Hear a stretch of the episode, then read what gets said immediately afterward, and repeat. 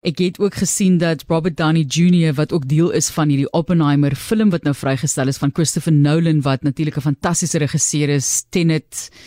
Uh, ja, daar's 'n lang lys uh, van films wat hy by betrokke was, maar die ou het net 'n visie met sy films en baie van hierdie akteurs baie keer sal sê ek werk sommer gratis vir jou. Um, ek dink Ed, Ed, Ed Norton, Edward Norton het onlangs uh, eintlik maar net 'n uh, paar duisend dollar verdien, nie baie geld gevra nie, want enigiemand sal enigiets doen net om deel te wees van 'n Christopher Nolan film. En Robert Downey Jr het toe gesê in 'n onderhoud wat ek nou gekyk het hierdie week dat hy het nog nooit gesien dat 'n akteur soveel opoffering maak sielkundig en van homself soos wat Cillian Murphy gedoen het om Oppenheimer te vertolk nie. Ook geweldig baie gewig verloor natuurlik vir die rol om daarbey aan te sluit en as jy nou nog nie weet wie Cillian Murphy is nie, gaan kyk gerus, is 'n ongelooflike akteur. En om te praat oor hierdie persoon, het ons vir Lydia von Willigstein teruggenooi ateljee toe want sy het soveel kennis van hierdie onderwerp. Sy het saam met haar pa Nick von Willig die boek geskryf Die Bom, Suid-Afrika se kernwapenprogram en natuurlik ook vertaal na Engels en in Wene is dit bekend gestel. Ons groet ook sommer vir Nick van Willig wat tans luister, haar pa wat self by die kernwapenprogram betrokke was. Welkom Lydia. Baie dankie. Het jy al die fliek gekyk? Nee, ek hou nog 'n bietjie terug, maar dit is my plan om volgende week te gaan okay, kyk. Ja, ek moet ook gaan. Ons moet maar vir hulle ondersteun. Barbie maak genoeg geld. Jy weet, dit moet ek ook gaan kyk, maar hulle maak genoeg geld. 'n Massiewe rekords ook gebreek. Maar Lydia, kom ons praat net gevinnig oor hierdie persoon, Julius Robert Oppenheimer en voordat ons nou kom by die fokuspunte, dink jy hy word beskou in 'n positiewe of soms 'n baie negatiewe lig deur die geskiedenis deur die mens. Ek dink beide en hy het daar dieselfde ambivalente opinie oor homself gehad wat ek dink 'n teken is van insig en intelligensie.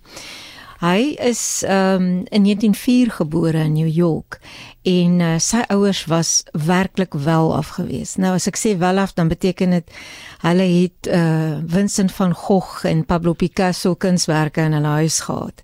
Sy pa was 'n arm immigrant gewees van Duitsland, maar hy het homself opgewerk in die tekstielbedryf in New York, baie suksesvol geword. So Robert en sy jonger broer Frank, wat terloops ook 'n fisikus geword het later, het aan niks kort gekom nie. Die ouers was geweldig beskermend teenoor die twee kinders en ek dink dit het een van die probleme geskep wat later in Robert se lewe gemanifesteer het want hy kon nie werklik met mense sosialiseer nie. Hy het gesukkel om liefdesverhoudings aan te knoop, hy het gesukkel om vriende te maak en vriendskappe te behou. Ehm um, die ander as, aspek wat vir my interessant is is dat ehm um, hulle was wel etniese Jode, die Oppenheimer gesin, maar hulle was glad nie praktiserend of gelowig nie. En in daardie tyd was dit nie abnormaal nie want immigrante in die nuwe wêreld het altyd probeer om so gou as moontlik in te pas en te assimileer sodat hulle nie uitstaan nie. Maar hy het 'n soort esoteriese soeke gehad sy hele lewe lank en hy het later baie geïnteresseerd geraak in ou Hindoe mistieke geskrifte.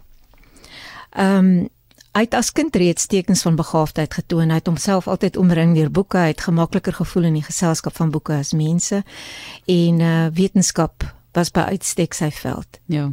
Maar jy kan dink dat iemand soos dit wat nou so wel af in 'n familie sit, kan net maar terugsit en speel vir die res van hulle lewe, maar hy het nie. Dit so hmm. hard studeer en regtig uitgestaan akademies ook natuurlik ook sielkundig uitdagings gehad met homself as mens en ek kan net voorstel wat hy oor die jare self ervaar het maar daar kom toe nou die Manhattan projek waarby hy betrek is so hoekom ja. het hulle hom gevra om deel te vorm van die skep van die atoombom So ek kan miskien net gou sê dat hy ehm um, natuurlik gestudeer het. Hy het sy uh B-graad in fisika aan die Universiteit van Harvard behaal. Dit hy 'n bietjie gaan uh, rondloop in Europa en hy was by die beroemde Cavendish laboratorium in Cambridge waar dinge nie baie goed gegaan het nie, want hy was skynbaar bietjie lomp geweest. So hy was nie goed met eksperimente in die laboratorium nie en dit het nogal spanning geskep tussen hom en sy dosente. Maar toe beland hy by die Universiteit van Göttingen waar daar wêreldberoemde teoretiese fisici was en daar het hy sy nis gevind.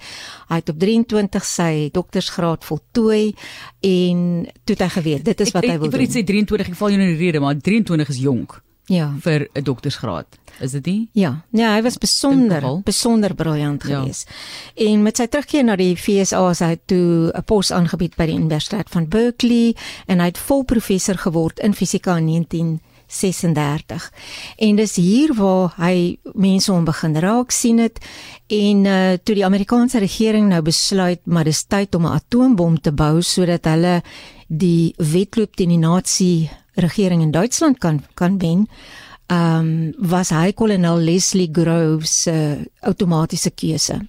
Nou dit was 'n kontroversiële keuse want hy het 'n bietjie van 'n kommunistiese verlede gehad in in die sin dat hy baie kommunistiese vriende en kennisse gehad het en liberale of sosialistiese sake ondersteun het. Maar hy was briljant en Groves het in hom 'n persoon gesien wat daarin sou slaag of in staat sou wees om 'n span van eie wyse, baie slim maar koppige wetenskaplikes saam te snoer sodat hulle net almal een op die objektief voor die oë het en dit was om die atoombom te bou en om Duitsland in die verband te klop. Want hulle was so 4 jaar voor die Amerikaners gewees met hulle navorsing. So geskiedkundig gaan lees gerus op is baie interessant. So hoekom dink jy was hy so 'n goeie leier, Lydia? Hy het baie diverse belangstellings gehad. Fisika was natuurlik sy groot liefde, maar hy het baie tale aangeleer. Hy was lief vir poësie. Ehm um, ek het net nou verwys na die Hindu mistiek wat hom so gefassineer het. En ek dink dit het gewys dat hy daarom nou nie net hierdie kliniese wetenskaplike in die wit jas was nie. Hy het menslikheid en karisma gehad wat hom aantreklik gemaak het vir ander. Alhoewel hy hierdie kwaliteit in homself redelik laat in sy lewe eers ontdek het. Ehm um, want hy was geneig tot depressie en uh, sy gebrek aan sosialiseringsvaardighede het hom aanvanklik erg gekneelter. So wat hom suksesvol gemaak het is hy moes ouens bestuur waarvan baie Nobelpryswenners was en hy self het nie 'n Nobelprys gehad nie. Dit was nog 'n kwessie gewees aan die begin. Maar hy het die vermoë gehad om almal dieselfde te behandel, om sy span saam te snoer en hy was bekend daarvoor dat hy sou luister na almal en dan aan die einde van so 'n gesprek of 'n debat of partykeer 'n argument want dit het partykeer nogal driftig geraak, sou hy almal se opinies netjies uh saamvat. Hy was baie goed met die vorming van sinteses en dan sou hy sê, "Goed, hoe beweeg ons nou aan?" En dan sou hy 'n plan van aksie opstel sodat hulle konsensus bereik en aangaan en prakties gestalte gee aan wat hulle bespreek het. Hy was ehm um, baie stil en diskreet gewees in sy omgang met mense, maar tydens die program is dit gedokumenteer dat hy met elke belangrike stap teenwoordig was. Of dit nou, jy weet, intellektueel was of fisies was, maar hy het nie een groot oomblik gemis nie en hy was gedurig daar om sy span te ondersteun en saam te snoer. En wat hy ook baie goed gedoen het, is hy dan geslaag om met die militêre personeel wat die ander komponent van die program gevorm het oor die weg te kom. En baie keer is dit mos nou maar, jy weet, is daar skaafplekke in so 'n situasie tussen die militêre ouens en die wetenskaplikes. Ons gesels oor Julius Robert Oppenheimer en dit is natuurlik soos 'n bekend staan die vader van die atoombom, moes ook baie moeilik gewees het om op so 'n manier bekend te staan. Lydia van Willigstein wat vir ons meer vertel van hierdie persoon, van die geskiedenis en dis 'n tipe van gesprek wat eintlik nooit weggaan nie want daar is elke nou en dan iemand wat met 'n atoombom die wêreld dreig en natuurlik Oppenheimer die film wat tans vrygestel is of onlangs vrygestel is hier in Suid-Afrika. Kom ons kyk gou 'n bietjie net na die hele idee van die kommunistiese brandmerk wat hy gedra het en die veldtog om van hom ontslae te raak en jy noem dit die monster eet sy eie kinders. Ja, ek dink hy het uh, waarskynlik vir sy vyande uh, 'n maklike stok gegee om hom hier by te kom. Hy was maar 'n bietjie polities naïef en hy het dit self erken ook in talle onderhoude. Toe hy in 1936 sy menares Jean Tatlock ontmoet het, Sy was 'n kaardraande lid van die kommunistiese party en sy was baie entoesiasties. Sy was 'n regte aktivis, het hom bekend gestel aan ander kommuniste en hy het in daai dampkring kring het hy beweeg en betrokke geraak by liberale en sosiale kwessies wat hom vroeër nie geraak het nie. Sy latere vrou Kitty en sy broer Frank was ook uh lede van die Amerikaanse Kommunistiese Party. Hy het nooit by die party aangesluit nie en dit kon nooit bewys word dat hy 'n lid was nie, maar dat hy simpatiek gestaan het teenoor van hulle uh, kwessies en dat hy gedink het die ideologie is nie noodwendig so erg as wat sommige dit uitgemaak het nie. Dit is verseker so.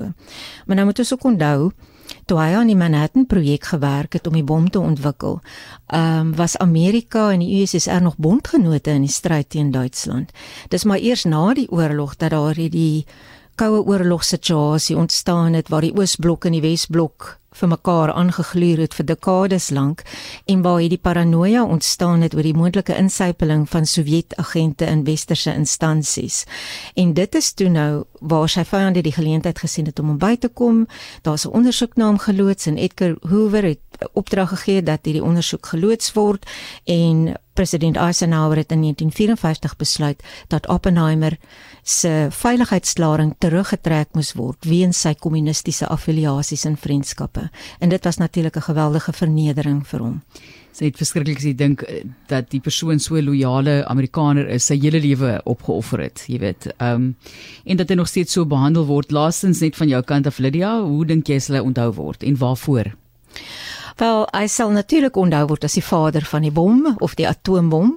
Ehm um, dit is maar hoe mense aan hom dink, maar ek dink ehm um, as 'n mens nou gaan kyk na sy lewe en en die manier waarop hy sy span bestuur het by Los Alamos in die woestyn waar hy die wetenskaplike skoorsagtig gewerk het om die bom uh, te ontwikkel ehm um, daardie finesse wat hy aan die dag gelê het, die ehm um, manier waarop hy gebalanseerd met die verskillende komponente van die program kon omgaan, dit is nogal indrukwekkend.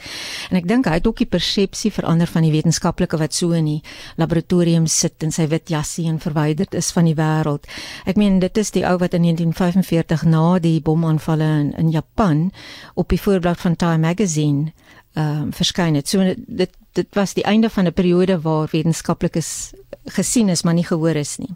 En dan laastens kan ek dalk net sê hy het ten spyte van hierdie tegniese prestasie van die ontwikkeling van die bom ook besef wat is die verwoestende moontlikhede en hy het dadelik na die oorlog standpunt ingeneem teen die ontwikkeling van kragtiger bomme wat meer vernietiging kon meebring en hy het gepleit tot aan die einde van sy lewe van sy lewe vir die beperking en bestuur van kernwapens op 'n internasionale vlak. So daar was hy sy tyd ver vooruit.